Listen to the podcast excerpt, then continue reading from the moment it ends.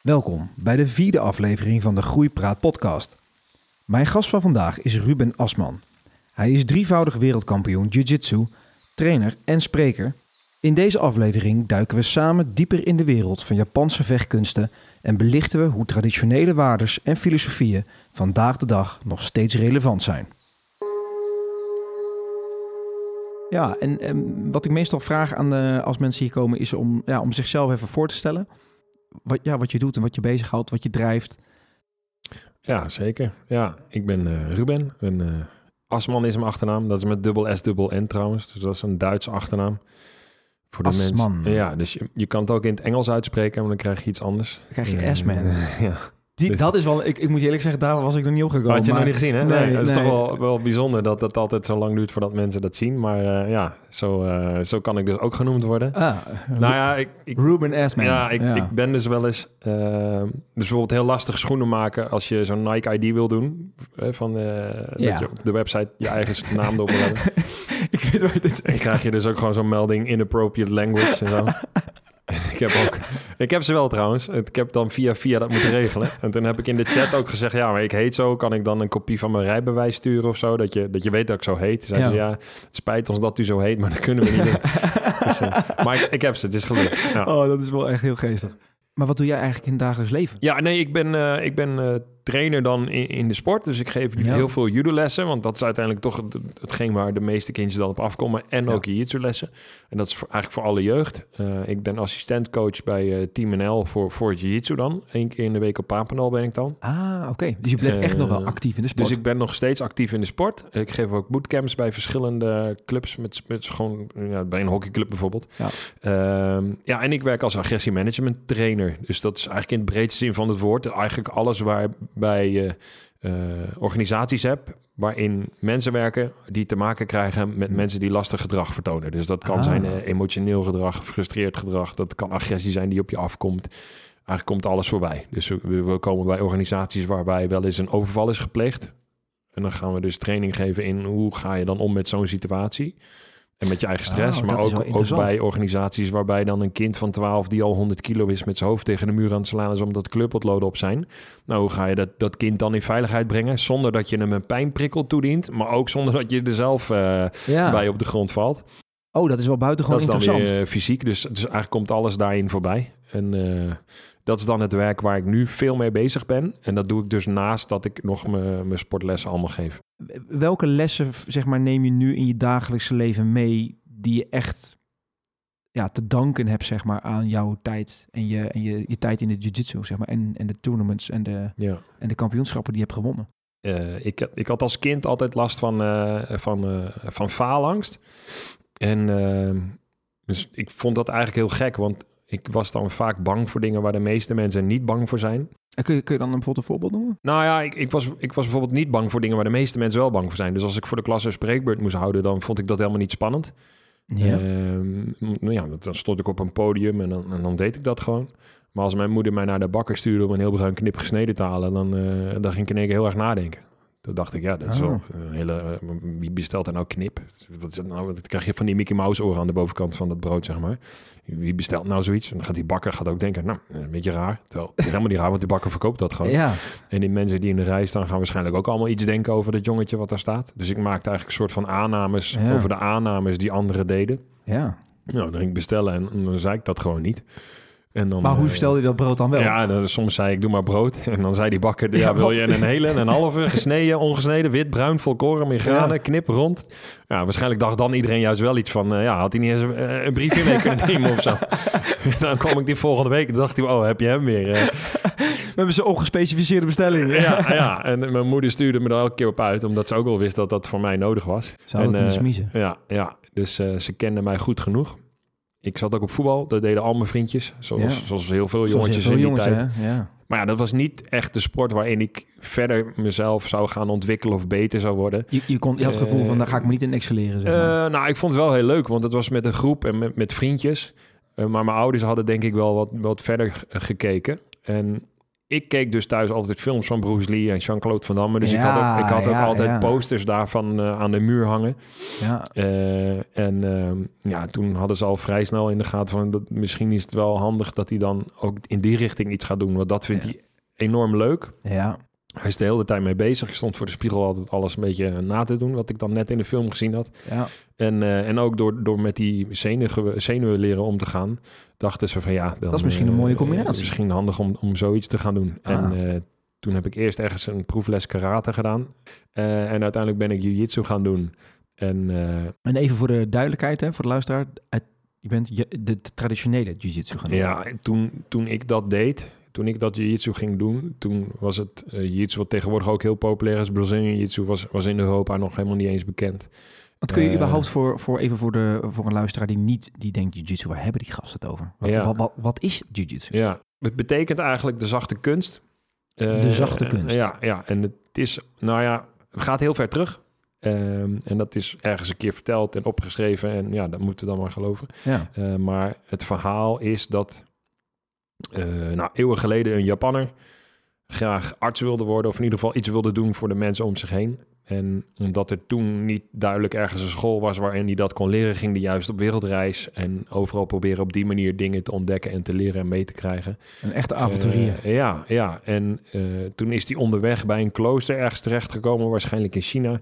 Eh, en daar heeft hij die monniken daar bepaalde bewegingen zien maken, wat waarschijnlijk een vorm van kung fu misschien wel was. ja.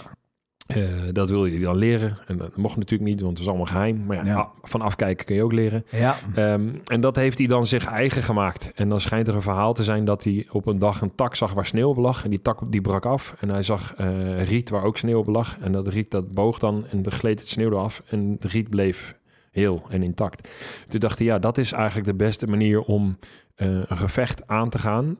Niet alleen in een gevecht zelf, maar ook dus in het leven. Dat je niet altijd hard en, en stug moet zijn, maar soms juist moet meebuigen. Ja, mooi. En dat is ook wat eh jiu-jitsu dus betekent, de zachte kunst. De zachte kunst, dat, staat het let, dat is letterlijk de vertaling Ja, daarvan. ja, ja, maar ja, zacht kan je natuurlijk ook zien als soepel of, of, of Ja. vriendelijk. Of er zijn allemaal, het is natuurlijk vrij in hoe je dat kan interpreteren. Ja. Maar het idee is dus als iemand groter en sterker is die mij aan zou vallen, dat ik dan niet met kracht terug moet vechten, want dat verlies ik altijd. Dus Ja. dan moet ik eigenlijk de kracht van die aanvaller gebruiken. Zijn energie tegen zich Ja, gebruiken. dat, dat is eigenlijk de basis daarvan. En daaruit is dan de krijgskunst jiu-jitsu ontstaan, die toen door de samurai-krijgers eigenlijk beoefend werd. Ja, Ehm, dus als zij dan hun zwaard kwijtraken en, en toch nog in een gevecht belanden, dat ze zich wel konden gaan verdedigen. ja. En dat is een beetje gaan ontwikkelen. En eh, tegen het einde van de 19e eeuw kwam dan eh Kano, zo heette die man. Ja? Kano? een- ja, ja, je zou verwachten dat hij iets anders uitgevonden heeft aan die naam. Maar hij Japanner. dus, eh, ja, een Japanner die, die jiu-jitsu deed. En dacht, ja, dit zou eigenlijk wat milder moeten kunnen. Want dat was eigenlijk ook gericht als krijgskunst op, op uitschakelen. Eh, en op die manier ontwikkeld. Dan moet ik dan een beetje denken aan, eh, aan bijvoorbeeld een, een Krav Maga, wat echt, echt gericht is ja, op, op, ja, op- ja op- zo zou je het bijvoorbeeld kunnen Ja. zien, denk ik, toen de tijd. En toen dacht hij, ja, maar het moet zo zijn dat iedereen het kan oefenen. Dus ook kinderen en ouderen. Dat was zijn eh, filosofie. En minder mobiele mensen. En dan is het mooi als je daar een bepaalde waarde aan koppelt, of meerdere waarden eigenlijk, waardoor je het ook kan gebruiken als een vorm van opvoeding, zodat iedereen er iets aan heeft in, in het leven. Mooi. En dat noemde die judo. En dat betekent dus eigenlijk de zachte weg. Oh, wauw. Ja, Dus jiu-jitsu is de zachte kunst. Ja. En judo is de zachte weg. ja, ja. Wauw, ik vind het ook wel En de weg is dan eh do. En, en dat kan dus een pad zijn wat je bewandelt. En dat kan dus een levenspad zijn waarin je keuzes maakt en, en welke kant je op gaat. Eh, maar dat kan ook zijn een manier waarop je iets doet. Eh, dus dus eh, ja, gewoon een, een, een handeling. Ja. Dus, dus het is een veel bredere betekenis dan alleen gewoon simpel. Het is een weg, maar het is ook... It's a way of life. Ja. Oh, ja, wauw. Ja. Dat, eh, dat wist ik niet. Dus ik heb weer wat geleerd. Ja, ja, dus dat is dan Dat is waar leuk. dat vandaan komt. En dat is dan Ah. het traditionele waarvan uit de sportjudo ook is ontstaan. Want hoe oud was je toen je begon? En ik was In aanraking kwam met. negen, negen toen ik begon met jiu-jitsu. En ik denk dat ik 13 of zo was, 13, 14 toen ik begon met judo. En, heeft dat, eh, en wat voor impact heeft dat gemaakt op jou, op jou bijvoorbeeld de, de, de faalangst die je eerder benoemde? Dat je, Ja. dat je, wel, dat je wat moeite had om eh, ja, jezelf te exposen in bepaalde situaties. Merkte je dat daar verschil in kwam gedurende de, de tijd? Ja, er zijn dingen geweest waarbij het vrij snel omsloeg. Dat ik, dat ik het makkelijker kon omdenken.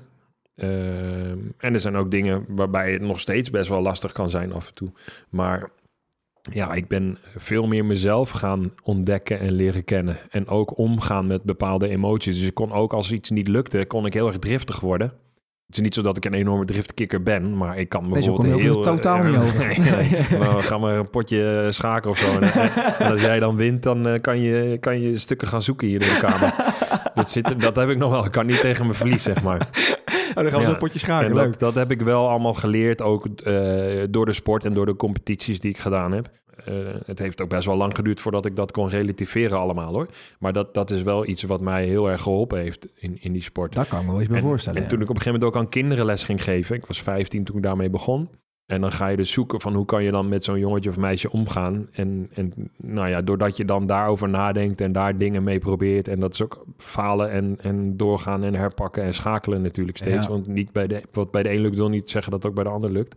Ja, en daar heb ik wel veel van geleerd. En dat heeft mij heel erg gevormd. En ik merk dat ik nog steeds dingen tegenkom. Dat ik denk, oh ja, dat heb ik toen geleerd. Of, of dat, dat ik nog steeds aan het leren ben. Dus dat is mijn do, mijn weg nog steeds. Ah, dat ja. is wel heel mooi. Ja. Ja. Om even het onderscheid te maken, want sommige mensen zullen wel eens gehoord hebben van Brazilian Jiu-Jitsu. Dat is niet wat jij gedaan hebt. Kun jij voor de Mhm. luisteraar even duiden wat de verschillen zijn tussen die twee? Als je jiu-jitsu zou nemen zoals ik het gedaan heb, dan, dan zou je het kunnen zien. Want dat is eerst krijgskunst en zelfverdediging. En Ja. later wordt het dan sport. En dat is pas sinds de jaren tachtig of zo de sport die het nu is. Oké. Dus het is vrij jonge sport nog. En dan zou je het kunnen vergelijken met een combinatie van judo en karate. Want je mag trappen en stoten. Je mag proberen elkaar om te gooien met, eh, met een techniek en een worp. Of een soort takedown. En op de grond heb je nog een grondgevecht waarin je wat kan doen. En dan heb je ook nog een technisch onderdeel waarbij je alle technieken laat zien die je kan. Dus dat is eigenlijk heel breed. Ehm, als je dan kijkt naar bijvoorbeeld het Brazilian Jiu-Jitsu, dat is dus, nou, zoals de naam het eigenlijk al zegt, in Brazilië ontstaan. Eh, in Brazilië woont namelijk een hele grote gemeenschap Japanners. En eh, Japanners zijn daar ook Jiu-Jitsu Ah. en Judo gaan eh, onderwijzen en laten zien. Karate ook Oké, trouwens. dus de- het is ergens in de migratie Ja. is het meegekomen. Ja, precies. Oh, ja, oké. Zo is Jiu-Jitsu eigenlijk ook al heel vroeg in Nederland gekomen. Want in de tijd van de Tweede Wereldoorlog, of vlak daarvoor, werd Jiu-Jitsu ook gedaan bij Defensie als krijgskunst. Oh, en eh, in Nederland had je vroeger die stripboekjes van Dick Bos. Dat Ja, zijn van dat- die hele kleine pocketboekjes. maar dat is de, want die werden in de Tweede Wereldoorlog zijn die ook verboden door de Duitsers. Maar daarvoor waren dat hele populaire boekjes. Oké. En Dick Bos was een soort halve James Bond eh, politieman. Ah. Die dan iedereen in elkaar timmerde met Ja. technieken uit, uit het jiu-jitsu. En, en dus ook eigenlijk uit het judo, want judo komt van jiu-jitsu af. Ja. Ehm, dus toen werd er in Nederland al jiu-jitsu gedaan, maar dan puur als zelfverdediging. En pas in de jaren tachtig is het dan als, als sport eh, verder ontwikkeld. Oké. En eh, het Braziliaanse jiu-jitsu is ook op die manier een beetje gekomen... doordat dan uit het oosten eh, Japanners kwamen... en die gingen dan zeggen eh, jiu-jitsu en judo laten zien. En er was dan één familie, een Braziliaanse familie, de Crazy familie... Ja, waarvan de oudste, de, de vader eigenlijk van de familie... die, die ging dan een tweestrijd aan. En, Roy Gracie heet hij volgens mij. Of nee, dat was. Helio volgens mij. in- oh. En die dacht, of die, die ging dat gevecht aan, maar zijn idee was als twee mensen in een gevecht raken, dan eindigt het 75% van de gevallen wel op de grond. En als ik dan gewoon kan overleven en dan uiteindelijk die ander moe maak en, en dan mijn positie verover waarin ik dominant ben, dan, dan kan ik dat gevecht, gewoon volhouden. En dat werd geloof ik een gelijk spel. En toen dachten ze van, oh wacht, dit, dit is wel iets waar we wat mee kunnen. Daar zien we, daar En, kunnen we wel en mee. daar is dan een hele ontwikkeling uit ontstaan, waardoor het Braziliaanse Jiu-Jitsu is ontstaan. En uiteindelijk zijn ze in de UFC en in Japan in allerlei eh full contact eh, eh, wedstrijden, wat dan het MMA eigenlijk ook is, ja, hè, mixed martial arts. geïntegreerd eigenlijk. Daarin is het geïntegreerd, maar de, de Brazilianen hebben daar heel goed laten zien dat ze daar heel goed in waren. Met Royce Gracie en Ja. Nixon Gracie. Ah, helder.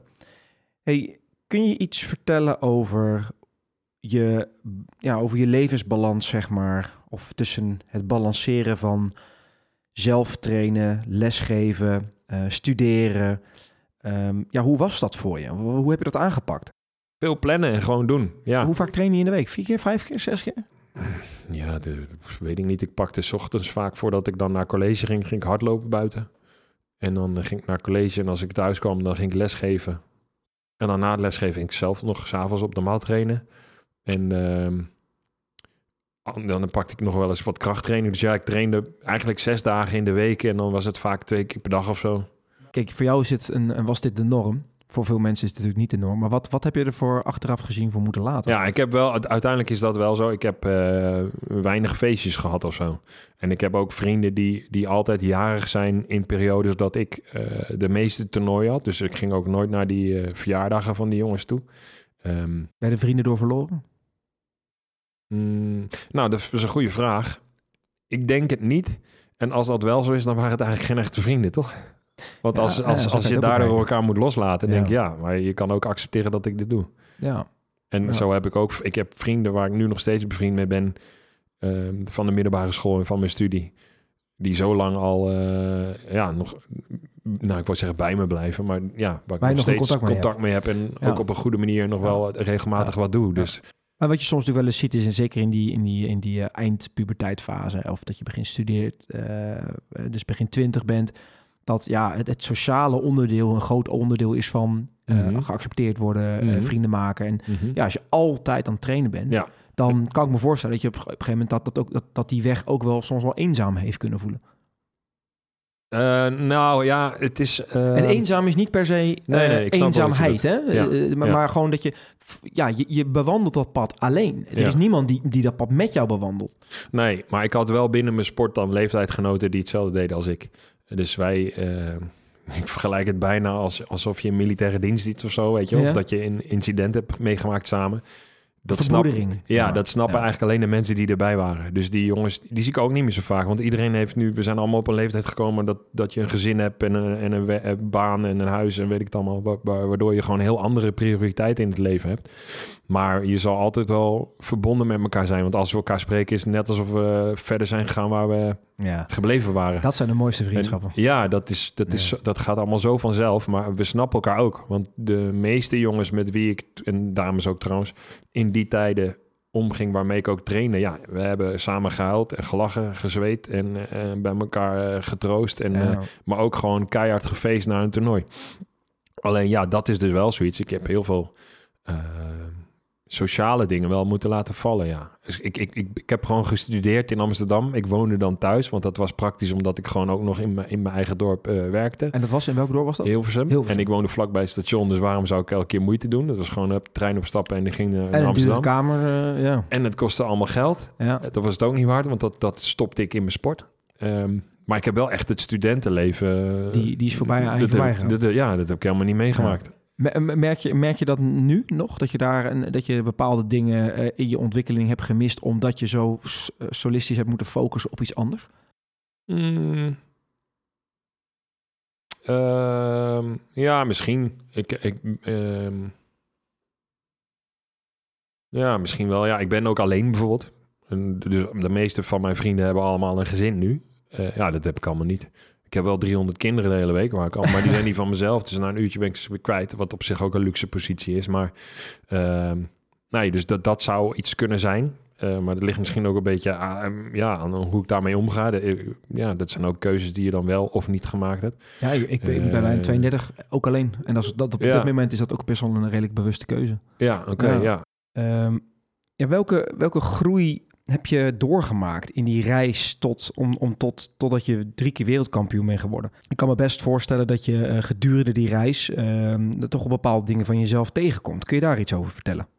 Kijk, in het begin was het voor mij gewoon, ik wil winnen, klaar. En dat was het enige wat telde. Het was gewoon Dus, competitie dus al die keren dat, ik, dat het niet lukte, was ik het ook heel vaak niet mee eens. Ehm, ja, dan, dan, dan baalde ik gewoon. Dus, ik, dus Ja. als ik, als ik, ik, ik heb denk ik, ik denk dat ik zes bronzen medailles heb op een WK, zoiets. En nou ja, dat vond ik super naar. Ik vind- dat- dat vond dat helemaal ruk, omdat eh, ja, daar was ik ook niet blij mee. Was gewoon mijn weekend naar de, naar Naar de, de knop haaien. eigenlijk. Ja. Maar wa- want je vond dat je Nou zilver er was, maar, er was maar één prijs die telde. En dat was het enige wa- wat voor mij belangrijk was. Gewoon winnen. Maar waar komt die, waar kwam, weet je, weet je inmiddels, als je nu teruggaat in de tijd, waar die, waar die, eh, die competitiedrang Ja, dat was een- de, de droom die ik had. En ik was ervan overtuigd dat ik be- veel beter was dan de rest. Alleen je wordt beoordeeld door een jury op dat moment.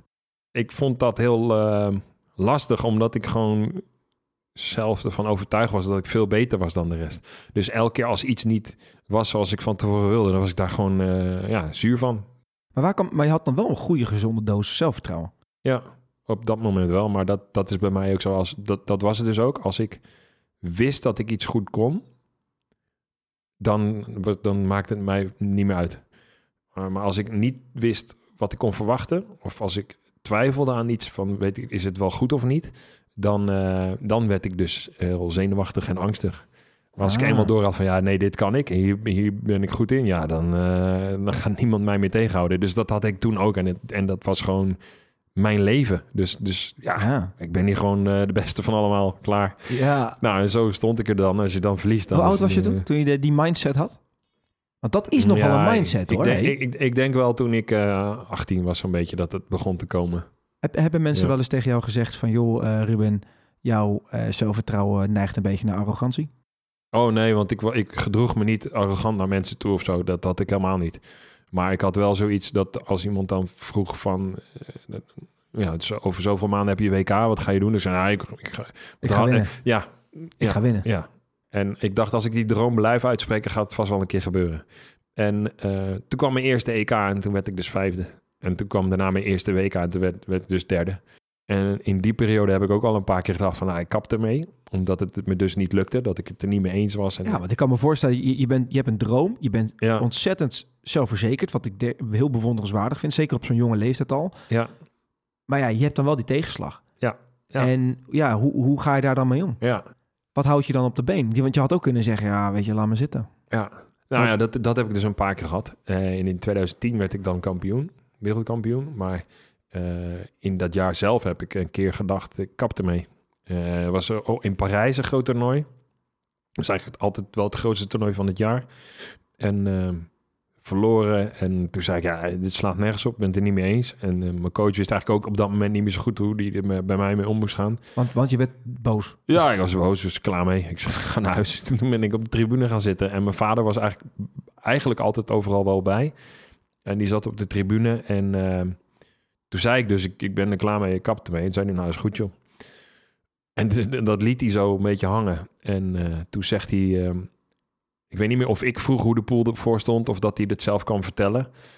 En toen zei hij, ja, als je nu de volgende wedstrijd wint... dan, dan kom je bij de eerste vijf... en dan ben je er ge- gekwalificeerd om in de zomer naar China te gaan... naar een evenement. dacht ik, ja, ja het is toch wel weer zonde als ik nu stop. Ja. En als ik dan niet naar China kan. Nog maar één potje winnen. Nou, Dus er werd weer een, een, er was weer even perspectief. toch weer verlengd. Nou, eh, nou ja. uiteindelijk mocht ik dan uiteindelijk naar China. Maar dat, dat soort dingen wist mijn vader altijd wel goed te zeggen. En mijn vader zelf ja, hij heeft ooit in het verleden een ongeluk gehad... waardoor hij een dwarslesie heeft gehad. En kon daarna dus nooit meer eh, sporten. Hij heeft wel opnieuw moeten leren lopen alles. Hij was eigenlijk helemaal verlamd en uiteindelijk kon hij wel weer lopen en alles. Dus dat is ook altijd iets wat mij gemotiveerd heeft. Namelijk als, als het bij mij tegen zat, ehm, dan moest ik dat kwijt.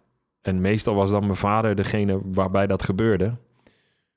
En hij was ook vaak degene die dan zonder echt iets ervoor te doen mij weer op kon peppen. Want dan dacht ik ook altijd, ja, als hij, als hij van zo ver weg eh, gekomen is, waarom ga ik dan zitten miepen over een wedstrijdje die ik zelf eigenlijk graag wil, dat ik dan verlies? Dat slaat toch nergens op? Dat hoort erbij dat je verliest. Maar dat Dus ging dan, was, je, kreeg, je, kreeg een soort, je, je kon het daardoor aan een soort van relativeren. Ja, ja dat, dat hielp mij dan ook. En, en zo heeft hij dat heel vaak gedaan. Elk, al die keren dat ik dacht, ik kap ermee, dan was er altijd wel iets dat vanuit hem dan weer kwam, waardoor ik dacht, oh nee, nee, nee. Dus je vader heeft ook wel een, Het, eh, een, een, een belangrijke rol gespeeld in jouw reis, zeg maar. Ja, ja, ja. Ja, dat is mooi. Heb je nog steeds goed contact met hem? Ja, zeker wel. Ja, Ja, ja, we gaan volgend jaar naar de Olympische Spelen samen kijken. Ah, dat is leuk. Dat is wel heel mooi. Dat is ja. heel leuk. Als ik jouw verhaal heb gehoord, dan, dan, dan zat er eigenlijk intrinsiek in jou een droom, eh, maar ook een, een, een soort... Ja, je was ook heel eh, vastberaden, zeg maar. Maar je had ook gewoon ook een gezonde mate van zelfvertrouwen. Mhm. Kun je iets vertellen over de rol van jouw ouders of jouw omgeving op de vorming van, van deze overtuigingen? Ja, ik denk dat ze mij heel goed kennen en kenden. Dus dat ze ook wisten wat ik nodig had. Ehm, ja, ik, ik was dus vaak zenuwachtig. Ze wisten gewoon hoe ze dat moesten aanpakken bij mij. En dat hebben ze altijd goed gedaan. En dat heeft me ook altijd geholpen. En ik heb ook altijd alle ruimte gehad om, om eh, zeker dus in, in, met de jiu-jitsu, om, om te doen wat ik wilde. Dus, dus als ik iets wilde, dan, dan moest ik er ook voor gaan. Werd dat ook expliciet benoemd? Eh, denk het Van wel, Ruben, ja. je krijgt die kans, maar... Ja, Dan ga je er wel voor. ik denk meer dat mijn ouders zijn denk ik meer van het doen dan de woorden. Dus meer geen woorden maar daden. Ik denk dat ze het gewoon gedaan hebben en dat ik het daardoor zo voelde. Mooi. Ehm, ja, en ik heb gewoon zelf gezien wat zij altijd, dat ze altijd doorzetters zijn geweest. En ehm, dus het was, het was, nou ja, normaal. Het was de norm. Het was normaal Dat dat, was je, normaal, ja. dat je doorzet en dat je het doet. En als je iets leuk vindt, dan moet je ervoor gaan. En dat je dan niet er zomaar mee stopt. Ehm, Dat zijn wel mooie, mooie lessen, denk ik. ja, Die je nu nog, als je die nog bij je draagt, dat je die ook wel kan Ja. inzetten. Ja, ja, en ik zie nu bijvoorbeeld ook bij kindjes hè, op les... Dat, dat soms in hele kleine dingetjes dat ze een pijntje hebben... of even zenuwachtig zijn. Ja, dan kan ik heel hard zeggen dat ze door moeten gaan... maar dan probeer ik het met een omweg ook te doen. Zoals mijn vader mij ook ging afleiden... of juist eh, in de toekomst kwam van... joh, dit is wat er gebeurt als je doorgaat. Oh ja, nou dan ga ik nog wel even door. Dus, dus op die manier, zonder dat je ze aanspreekt op van... je doet nu dit, eh, je moet niet zeiken, jongen, doorgaan dat je, dat je het op die manier brengt. En dat, dat geeft bij kinderen altijd wel een positieve... Dus posit- werkt beter Ja. in jouw optiek. in mijn optiek, ja. Ja. En, maar ik zie ook dat de kindjes bijvoorbeeld van een les afgaan. Eh, en dat ouders dan naar me toe komen van... ja, moeilijk, moeilijk of te veel... of geen zin meer, vind het niet meer leuk... of vind het toch nog een beetje spannend. Dat soort dingen. Dan denk ik, ja... En dan probeer ik het nog met een omweg zo te doen hoor. Van ja, maar zo- had ik het vroeger ook. Nou geef ik de les. Maar ik kan die mensen ook niet dwingen of wat dan ook. Maar dan denk ik, joh, als je iets meer... Duwt. Ja, ja. Oh, Nou, dat- niet duwen, maar sturen. Sturen, ja, sorry. Ik, ik moet, ik moet, ja, duw, duw heeft geen zin. dan dan duwt Ja. het kind terug. Nee, maar ehm, wat, wat, dat is wel een interessante, dat sturen. Dat is allemaal zachte weg, hè? Dat is allemaal judo, wat we nu zeggen. ja, dat is dat, allemaal, allemaal de... Want ja, duwen is dus kracht. Maar is- iemand aansturen of meenemen of ja, afleiden, dat is allemaal... sturen. Ja. Dat is sturen. Ja. ja, dat zijn wel mooie lessen. Mhm. Dat zijn mooie lessen. En dan gaan we even door op dat agressiemanagement stukje. En Wat kom je allemaal tegen? Nou ja, stel je werkt in een warenhuis bij de klantenservice, dat dan iemand naar je toe komt en die zegt: Ik heb bij jullie een, eh, een servies gekocht en ik zie nu dat het in de aanbieding is. Dus, eh, en ik heb van de week gekocht, dus ik wil nu korting hebben. Dus ik wil mijn geld terug, want ik heb volle met betaald. En dat ze dan zeggen: Ja, oké, heeft u de bon bij u? En dat, is, dat zegt hij: Nee, heb ik niet mee. Ik heb geen Heeft u het product bij u? Dat heb ik ook niet mee. Maar ik wil wel gewoon die, die korting hebben, dus eh, geef mijn geld maar terug. Nou, en dat tot en met de manager toe. Gewoon volhouden.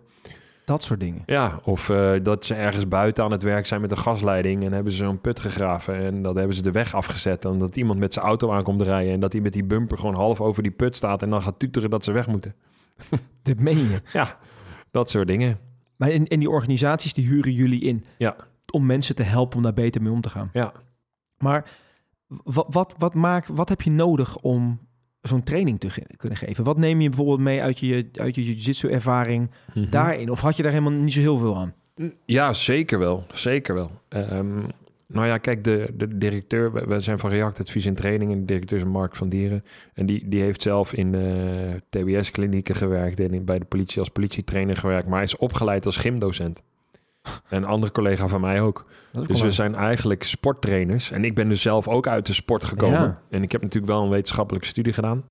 Maar, maar we, zijn dus, we zijn dus eigenlijk al trainers. Dus we, we, we, we doen al veel met mensen. We zijn al aan het werk. We zijn al training aan het geven. En Ja. ik denk als je een goede trainer wil zijn, is dat iets wat heel erg dat is de bijdraagt. basis al, eigenlijk. En dan komt eh, onze passie en onze persoonlijkheid er nog bij. En de ervaringen die we hebben. Dus dus we hebben mensen die, die van de straat komen en daar allerlei dingen meegemaakt hebben. Zelf in hun jeugd. En daar een soort groei in hebben gekregen. En uiteindelijk om hebben kunnen schakelen naar wat kan ik dan doen om mezelf beter te maken en hoe kan ik mijn leven verbeteren. Maar die nemen dus wel een bepaalde geschiedenis mee, waardoor ze heel veel dingen binnen die wereld van ja, agressie, lastig gedrag gewoon ook kunnen snappen. Dat ze gewoon weten waarom iemand een bepaalde frustratie heeft. Als jij zelf thuis in de situatie gezeten hebt dat je elke keer deurwaarders aan, je, aan de deur hebt. En, en, en jij ziet dat als een soort kwaad, omdat jij in een situatie zit waarbij dat gewoon heel naar is. En je gaat later zelf een weg wandelen dat je trainer wordt. En je gaat aan deurwaarders training geven in hoe ze om moeten gaan met agressie. Dat is wel een Dan, dan weet je wel wat ze meemaken. Ja, je weet dus wel. dus ja. je kan je daar heel goed in verplaatsen. Ja. Eh, maar we hebben ook mensen die, die dus uit de politiewereld komen of uit de zorgwereld. En ja, op die manier heb je allemaal wel een vorm van bagage waardoor je ehm, kan bijdragen in, in het geven van zo'n training. En dus het is niet ik- alleen maar wat je uit een boekje leert. En het is niet alleen maar wat je in een cursus leert. Het maar het is ook onderdeel van, van wie je bent en wat je in je praktijk meemaakt. En dan eh, het gedeelte van passie ja, daarbij. en, en hoe, hoe neem jij, wat, wat, neem, wat neem jij als Ruben mee Ja. in, die, in, die, in zo'n training? Kun je eens bijvoorbeeld een, een, een, een scenario of, of een recent eh, voorbeeld pakken? Bijvoorbeeld je zegt van, nou, dit was de training, dit was de casus, dit was de situatie van, eh, van, eh, van de persoon of de Mhm. personen. En dit is eigenlijk hoe ik mijn achtergrond heb meegenomen in die, ja. in, in die training. ik maar. merk dat ik in elk dingetje wat ik doe wel iets ernaar terug kan brengen.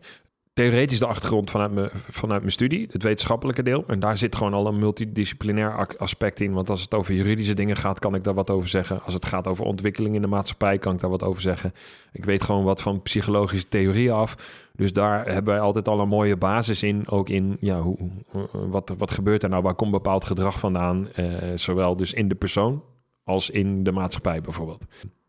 Dan hebben we nog het gedeelte waarin je de trainer bent. Dus vanuit mijn sport de training geven aan mensen en aan kinderen, aan topsporters. Maar ik heb bijvoorbeeld ook eh G-judo gegeven. Volgens mij staat die G dan voor gehandicapten, maar dat zijn mensen met een beperking eigenlijk. Eh, eh, maar dan ben je dus ook een trainer en dan kan je dus in, in die situatie ook die training wegzetten met mensen. Dus dat is het praktische gedeelte. Ja. En natuurlijk je persoonlijkheid met de ervaringen die je hebt, waardoor je kan klikken met mensen en waardoor je kan verplaatsen in wat ze meemaken en wat er voorbij komt. Oh, het- dat is wel mooi. ja. Wat kun je vertellen over waarom mensen agressie vertonen? Kijk, de maatschappij is aan het. Alles verschuift een beetje. En ook normen en waarden veranderen daarin. En het, het tempo waarin dingen gebeuren. Dus als ik nu trek heb en ik pak mijn telefoon en ik swipe een paar keer, dan komt er binnen 10 minuten zo'n elektrisch, elektrisch fietsje voor de deur met een eh, Met eten. met eten. Ja. Ja. Daar leven wij in. Dus ik, ik dus ergens op wachten. Ja, je hoeft toch nergens op te wachten. Dus geduld, Dus- is, dus als geduld ik- is geen, geen, ja, geen dat is, meer. dus als ik ergens bij een balie sta en ik moet ineens wachten, dan denk ik, ja, wachten, wat is dit nou weer? Ja. Ik ben er nou toch? Ik kan me nou toch helpen? Ja, maar dan moeten we even online een formulier invullen. Maar jij staat hier nu. Ik, ik ben hier nu. Je, kan het toch, je hebt toch een laptop? Kan je toch even invullen? Dus, dus het is raar om ergens op te moeten wachten of iets zelf te moeten doen. Het is, ja, dus, dus mensen krijgen daar heel snel al irritaties van. Dus ja, heel veel gedrag komt volgens mij uit onmacht en frustratie. Maar, doe, maar geef jij dan aan mensen ehm, met name eh, praktische tips en trucs? Of is het ook echt fysiek wat je met mensen doet? Om te leren hoe ze Ja, omgaan ligt- met een agressor bijvoorbeeld. Ja, het ligt aan de doelgroep. Want, Maar want geef- mensen in een TBS-kliniek die met, met, Ja, die moeten ingrijpen. die moeten kunnen ingrijpen. Je hebt ook telefonische agressie, hè? Mensen durven aan de telefoon meer te zeggen dan face-to-face. Ja, en, en dan zit je in een gesprek. Ja, hoe ga je dat dan, eh, ja, toch deescaleren? Ja. dat zijn natuurlijk wel... Dus het, is, het ligt aan de doelgroep. Bij de een is het juist, gaat het ook om het fysiek ermee omgaan. Omdat dat een situatie is eh, waarin ze dat ook moeten.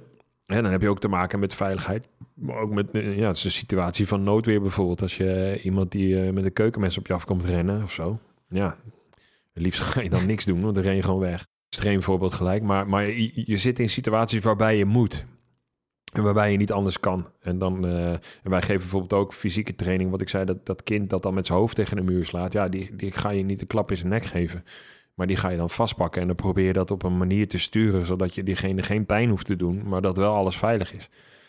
Eh, dus het is fysiek, het is verbaal, het is mentaal eigenlijk een compleet pakket. Ja, en, en als persoon heb ik dat mentale meegemaakt in, in, in mijn reis van, van dat, dat jongetje bij de bakker Ja. tot en met eh, op het podium naar het volkslied luisteren. En, en, en lesgeven en motivational speaking en weet ik het wat. En eh, het fysieke heb ik gewoon geleerd zelf in, in mijn sport al. En het verbale, ja, dat, dat heeft dan een achtergrond qua theorieën... wat past bij, bij mijn studie. Op die manier. Dus ja, bent- uiteindelijk is het alles bij elkaar Het komt nu. alles wel heel mooi bij elkaar. Vo- Ja. vo- heb je het gevoel dat je op je plek bent? Ja. Dat is Ja, mooi. het heeft even geduurd, maar het had misschien allemaal zo moeten zijn... wat je net zei. Ja, Ja. zo probeer ik ook wel eens naar te kijken. Ja. Ook wat je zegt, niet, niet duwen. Nee, sturen, ja. Nee, sturen is, is beter Ja. eigenlijk dan duwen, Ja. inderdaad. En dat merk ik ook uh, naarmate ik wat ouder word, steeds meer, inderdaad. En je zei net nog even heel gekscherend, en ik heb dat ook toevallig natuurlijk even opgezocht toen, jij, toen ik uh, research deed. Um, jij, bent, uh, jij, jij spreekt ook voor groepen of, of bedrijven. Ja. Um, waar praat je daarover? Waar praat je Eigenlijk over? wat we nu een beetje aan het doen zijn. Ik vertel dan mijn mijn soort van levensverhaal. En dan gebruik ik ben iemand die wel houdt van metaforen. Dus ik gebruik dan ehm, mezelf, hoe ik als kind dingen moeilijk vond. Dus, dus ik had net bijvoorbeeld over naar de bakken gaan en, en zwemles. Maar ik vond bijvoorbeeld touwtjespringen ook heel lastig. Eh, rekenen vond ik lastig. Terwijl ik, ik dacht dat ik allergisch was voor nummers, maar dat ben ik helemaal niet. Alleen ik blokkeerde gewoon heel snel. En dan ga ik dus in mijn hoofd aan allerlei andere dingen denken. Uh, ik weet niet, ben je bekend met die aandachtscirkels? Dat je in de binnenste cirkel is uh, je taak. Dus dat is wat je moet doen. Ja. En de volgende cirkel, dat is dan uh, af, directe afleidingen. Ja. Dus dat was van, ja, nou, ik kan, oh, zit met zijn pen te klikken. Ja, dan kan ik me niet concentreren. En dan is de volgende cirkel dat je gaat denken aan hoe het hoort te zijn. Nou, hoe hoort het zijn? Ja, je moet gewoon stoppen met die pen klikken. En dan kan ik gewoon mijn sommen maken. Ja. En dan heb je het over slagen, falen en de gevolgen ervan. Ja, Ja. nou kan ik het niet. En dan ben ik straks als laatste klaar. En dan zit ik weer in de pauze. Moet ik dan nog blijven zitten. En dan moet ik die sommen nog gaan zitten maken. Kan ik weer niet eh, lekker buiten spelen. Want dat wil ik graag. Nou, uiteindelijk was het ook zo dat ik altijd binnen moest zitten in de pauze. maar dat komt dus omdat ik niet bij mijn taak bleef op dat moment. En zo had ik dus later in mijn studie dat ik zei dat, je, dat ik thuis in de, in de kamer zat te leren en dat mijn vader me ging overhoren van wat heb je nou eh, Ja. gedaan al die tijd. Dan- was het lastig om daarbij te blijven. En dat is iets dat ik in mijn sport later wel ben gaan leren. En daardoor in, mijn- in de rest van mijn leven ook. Dus nu komt, er komt nu ook steeds meer naar boven. Denk ik, oh ja, zo kan ik het ook vertellen. Ja, ja. En, en dat vertel ik dan in zo'n zo'n speech, maar dan als metafoor. Dus dan vertel ik hoe ik als kind daar problemen met dingen had, waardoor ik allemaal dingen niet kon. Eh, en, dan, en dan uiteindelijk ook een gedeelte over wat ik met mijn vader heb gezien, eh, wat daarbij gebeurt. En dan vertel ik uiteindelijk in mijn sport. En ja, ik, ik, ik vind het altijd mooi. eh, we hebben het nu steeds over sturen, maar ik vind het mooi als ik iets vertel. En dat dan de mensen zelf eruit moeten halen wat ik nou verteld heb. Want ik kan ook letterlijk gaan zeggen, nou, ik heb dit gedaan en dat is er gebeurd en daarom deed ik dit. Maar dan vertel ik gewoon letterlijk wat het is. Dus als je een boek leest, staat er ook niet altijd precies in. nee, eh, nee, klopt. Je haalt, je haalt er zelf uit wat je eruit wil halen. ja, en, en ja. op die manier probeer ik dan eh, dat verhaal zo over te brengen. Met uiteindelijk dan, ehm, ja, dat je een, een- reis maakt. Je, je bewandelt dus die weg, de do. Ja, Ehm, en dan heb je een eindpunt waarschijnlijk. Het kan zijn dat je een doel hebt en dat je dat vastlegt. Maar je- om daar te komen moet je heel veel stappen zetten. En elke stap is nodig. Dus het is geen stap die je eigenlijk over kan slaan. En dan kan je wel omkijken, maar dan zie je niet waar je heen gaat. Dus alleen omkijken heeft zin als je ervan kan leren, zodat je verder kan. ja. En dat is een beetje waar dan het verhaal over het gaat. verhaal over gaat. Nou, daar, daar, daar zeg je wel wat. Dat zijn wel, wel, wel, want het zijn wel mooie lessen die daarin verborgen zitten. Maar die Mhm. vinden allemaal deels ook een oorsprong in de vechtkunst die je hebt beheerst. Ja, het is allemaal wel daar naartoe terug te koppelen. Ja, ja, dat is wel mooi. Mooie bruggen. Mooie bruggetjes. Ja. Ja. Hey, ik zou jou graag ehm, twee ja, uitspraken willen voorleggen. Oké. Ehm, en je moet kiezen, eens of oneens. Ja. En daarna ehm, gaan we... Daarna gaan we het er pas over hebben. Daarna ja. gaan we het er pas over hebben, inderdaad. En dan is er ruimte om te nuanceren. Dus de traditionele vorm van jiu-jitsu is verwaterd... doordat sporten zoals MMA, Krav Maga en BJJ ermee aan de haal zijn gegaan. Eens of oneens. Ik denk oneens.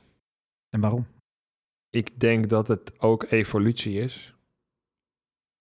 Dus dingen die toen konden, kunnen nu niet meer, zeg maar. Dus het is ook iets wat... Het, is zich ont- heeft zich eh, ontwikkeld. En als je die traditie wil, kan je hem nog steeds opzoeken.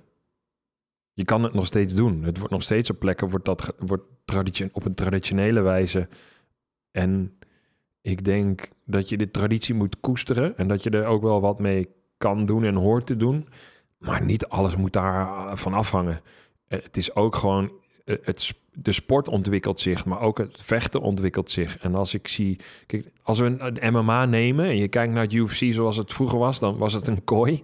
En eh, dan eh, werden de, de- de- dat was net zoals zo'n oude Jean-Claude Van Damme film. Er stond Ja. iemand van, van 100 kilo in een judopak tegenover een klein ventje met, eh, met, een, met een boksbroekje aan. Ja. En dan zei ze, nou, succes. En dan, en dan Dus hadden ze letterlijk. geen ja. tijdslimiet, Nee. geen gewichtslimiet. Nee. Ehm, je mocht elkaar gewoon in de kruisen meppen. Je mocht aan de haren trekken. Je mocht alleen niet krabben, bijten en in de ogen prikken. Nou ja, nou leuk. Dat- was natuurlijk heel spectaculair. Super Want het idee was van... eh, ja, welke vechtsport is nou het beste? Ja. Ja. er is dus geen beste vechtsport. Nee. Ja, en ik ben dus als kind altijd fan geweest van Bruce Lee. En die zei altijd al... ehm, er is niet één stijl beter dan de rest. Je, je, je moet, om, om het echt om goed te kunnen vechten, moet je eigenlijk alles kunnen. En dat is mixed martial arts. Ja. En ehm, En daar is in, binnen de UFC dus die ontwikkeling in ontstaan. Want toen won dus die uh, Gracie alles, omdat die BJJ deed. Ja, die, die vouwde Eh, iedereen eh, op. ja, Ja, want die- het is wel die- leuk voor de mannen die, die van vechtsport houden of daar geïnteresseerd in zijn. Zoek maar eens op naar de, de Gracie Family en op YouTube. Die zie je gewoon in beginjaren. Ja, ja, dat is gewoon, die was onsport postuur, zeg maar. Ja. Dus dit is een beetje 80 kilo, zou Ja, ik zeggen. zoiets. 80 En die kilo, wint dan van gasten van 120 kilo. Ja, maar er zaten ook geen, er zaten ook vechters tussen. Die waren echt geen misselijke vechters. Ja, En dat ontwikkelt zich gewoon. Ja, want nu is UFC is gewoon een enorme business. Maar het zijn ook enorme atleten die daar staan. ja, ja. En ik vind dat dat ook zo hoort. Dat hoort zich ook allemaal te ontwikkelen. En er zijn genoeg jongens die dus die sporten doen. eh, die wel die traditie in ere houden. Dus je ziet nog steeds dat ze achteraf, als het gevecht geweest is, in, immens veel respect hebben voor elkaar. En ik heb altijd een hekel aan die, die algemene, abstracte, vage termen, zoals bijvoorbeeld respect. Maar ze, ze laten op dat moment heel erg zien hoe ze elkaar waarderen. Eh, hangen in elkaars armen of hebben daarna bij de persconferentie iets moois over elkaar te zeggen. En de- de- ja, je weet gewoon, die ander heeft net zo hard gewerkt ervoor als ik. ja. En ik vind dat heel mooi om te zien als dat in de sport gebeurt. En er zijn ook gewoon genoeg jongens die vanuit eh, traditionele vechtsport gekomen zijn en zich staande houden binnen die MMA-wereld. ja, dat is ook een En dan Ja. zie je dus dat, dat het nog steeds ergens op slaat. Alleen Ja. om de beste te zijn moet je eigenlijk alles kunnen en alles doen. Ja, En ik denk dat dat niet is dat dan eh, traditionele vorm van vechtsport, jiu-jitsu, of zij het taekwondo of kung fu of wat dan ook, dat dat daarmee verwaterd of losgelaten is. het is geëvalueerd, zeg jij. Ja, dat denk ik wel. Ik heb dan nog een uitspraak voor je. En dat is: Jiu-Jitsu leert je vormen van wilskracht, mentale weerbaarheid en discipline. die iedere man zou moeten leren. Ja, eens. Nou, dat ging heel makkelijk. Ja. Maar, maar vertel, waarom? Maar ik denk dat alle sporten het zouden moeten doen. En ik denk dat als je de. Het valt en staat natuurlijk met degene die, het, eh, die de training geeft. Hè? Dus de docent is daarin Leiden. cruciaal. Ja. Eh, zoals ik het meegekregen heb en zoals ik het zelf probeer door te geven, zijn dat de waarden waar het om gaat. Wilskracht, mentale weerbaarheid en discipline. Ja, ja. Eh, ik, ik, ik, ik geef bijvoorbeeld ook trainingen voor schooljudo. Dat, die hebben dan ook een, dat is een organisatie die bij scholen komen, eh, geven judo-trainingen, maar, maar ook in de klas hebben ze een pakket, het hero-pakket, waarin ze dus bepaalde waarden meegeven. En dat zijn ook de- deze waarden. Dus die, die kinderen die op zo'n sport gaan, ik noem het maar even budo-sporten. Dus budo is een verzamelnaam voor Ja, judo, judo, jiu-jitsu, jiu-jitsu en- karate. Karate, ja. Wat je meekrijgt vanuit die traditie is het eervolle. Dat je met elkaar moet samenwerken. Want als jij niet komt trainen, dan kan ik dus al niet met jou trainen. En als jij mij eh, in elkaar timmert elke training, dan kom ik niet meer. Heb jij ook niemand om mee te trainen. Nee, je doet- Dus, dus ja. je past je aan aan elkaar. Dus je moet uiteindelijk Er samenwerken. zit een wederzijds respectcomponent ja, je, dus je moet samenwerken, er zit respect in. Je moet je ook beheersen. Maar ook als ik naar buiten ga en iemand valt mij lastig, dan, dan kan ik tekeer gaan. Of ik kan hem gelijk een knal geven. Maar ik kan het ook ontwijken. Of ik kan een grapje maken of afleiden. Of iets doen waarbij ik dat allemaal al voorkom. Waardoor ik dat niet heb. En dan beheers ik mezelf dus. En dat zijn vaardigheden waarvan jij Ja, zegt dat zou eh, eh, iedere man Ja, moeten en, hebben. en inderdaad omgaan met, met, met teleurstellingen. Of, of dat je een keer verliest. Of dat je, nou, dat was voor mij een hele Ja. klus. Maar dat zijn allemaal dingen die daarbij bij horen. Is er iets voor te zeggen wat jiu-jitsu zeg maar uniek maakt in die reeks? Of zeg je van, nee, eigenlijk maakt het niet uit of je nou judo doet, jiu-jitsu of kickboksen of iets anders. Al die sporten hebben, hebben die componenten. Al die sporten hebben die Ja, als voordelen. je, als je de, de, eh, de, de juiste persoon voor de groep hebt staan die, die dat er ook in ziet, dan krijg je dat sowieso. Want je, nou, het is een beetje ehm, van de Karate Kid. Hè? Dan had je dus Cobra Kai. Ja, en je ja, had ja, eh, eh, Misty Miyagi. En nou heb je die serie. En sla- die, ja, het is vermakelijk, maar het slaat natuurlijk nergens op. Die Nee. gevechten lijken nergens op. Nee. En ze lossen alles op met vechten. Er Ja. is gewoon niemand die even een gesprek aangaat. weet je? En dan, dan staan ze de les voor de kinderen is Oh, alles maar- oplossen met je vechten. Ja, Ja, dit- dit- als je dat kijkt, dan ga je niet leren hoe je met elkaar om moet gaan. Maar het is wel grappig om te zien. En, en de principes van Cobra Kai zijn dan strike first, strike hard, no mercy. Nou, strike first ben ik het op heel veel vlakken wel mee eens. Want, Ja. want je, je moet soms de eerste stap zetten. Ook in de maatschappij. Jij moet af en toe even assertief zijn. Of, of Ja. gewoon... Als er een eh, trein langskomt en jij stapt er niet in... Ja, dan ga je nooit op de plek van bestemming komen. Nee. Dus je moet soms zelfs die, die stap zelf nemen. Dus ja, strike first, ben ik het wel mee eens. En als je dan die stap zet, dan moet je het ook met overgave doen. Dus strike hard, ben ik het ook mee eens. En no mercy betekent dan dat de mensen om je heen van alles mogen, van je mogen vinden. Wat ik altijd ook, wat mij altijd bezig hield. Maar dat mogen zij vinden, want dat zegt meer over zij dan wat het over mij zegt. Dus dan moet ik ook geen genade hebben met wat anderen over mij denken of wat ik zelf denk. Nee, je moet gewoon doen. Dus die drie zinnen zijn heel sterk en heel goed. Maar als je puur naar, zoals het in die serie ook verkocht wordt, want de ene leraar doet het dan wel goed op een gegeven moment, maar de andere leraar die houdt zich vast aan die zinnen en die zegt gewoon, ja, je moet winnen. En als je niet kan winnen, dan moet je vals spelen. Dan moet je eerst been, moet je hem eerst blesseren. Dat soort dingen. Ja, dat kan natuurlijk niet. Nee. Maar de, de, als je gewoon die, die zinnen bekijkt en je hangt daar de juiste waarde aan, dan klopt het. En Mr. Miyagi is eigenlijk heel erg van dat sturen. Uh, een beetje zo, ja, dat meegaan met de flow. En die heeft ook dat bonsaiboompje als logo. En een bonsaiboom uh, laten groeien. Ja, dat is iets heel bijzonders. Want je laat dus iets groeien door jou toedoen. Maar je moet daar heel veel aandacht aan geven. Want je moet de juiste voeding geven. Je moet de juiste aarde erin doen. Je moet om de zoveel tijd uh, de pot veranderen. Omdat die anders te groot is. Je moet hem snoeien. Maar dat kan je weer niet te veel doen. En niet te weinig. En de tijd. Dat, en dat is heel delicaat. Ja. Maar dat is eigenlijk dus ook het craften van je eigen... Streven naar perfectie, maar Ja. nooit bereiken. En elke Ja. dag ermee bezig zijn. Dat is eigenlijk wat het dan is. Ja, maar dat zijn wel lessen waarvan ik ook persoonlijk met je eens ben... dat, dat veel mannen, zeker ook de, millennial generatie... waar ik ook onder val trouwens, en, en achter mij...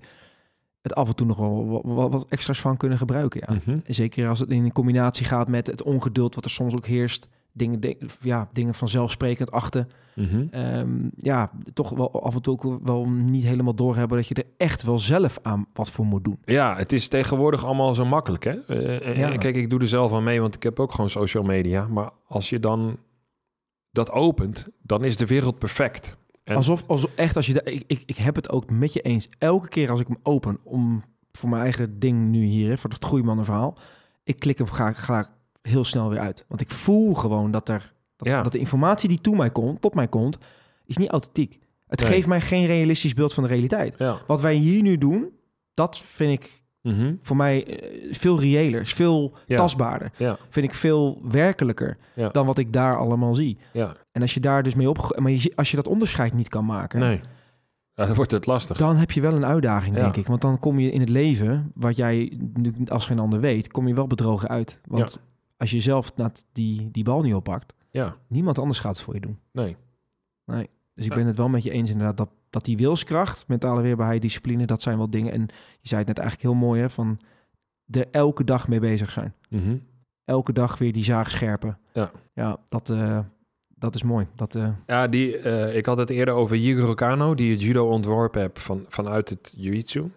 En ik had laatst die spreuk voorbij zien komen. En het gekke is, ik had hem nog nooit eerder voorbij zien komen. En nu zag ik hem. En ik heb hem ook la- in zo'n speech gebruikt die ik een tijdje ter- terug moest geven. ja. Of mocht geven.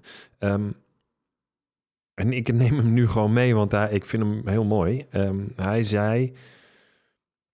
Je hoeft niet beter te zijn dan alle anderen, maar wel beter dan gisteren. ja.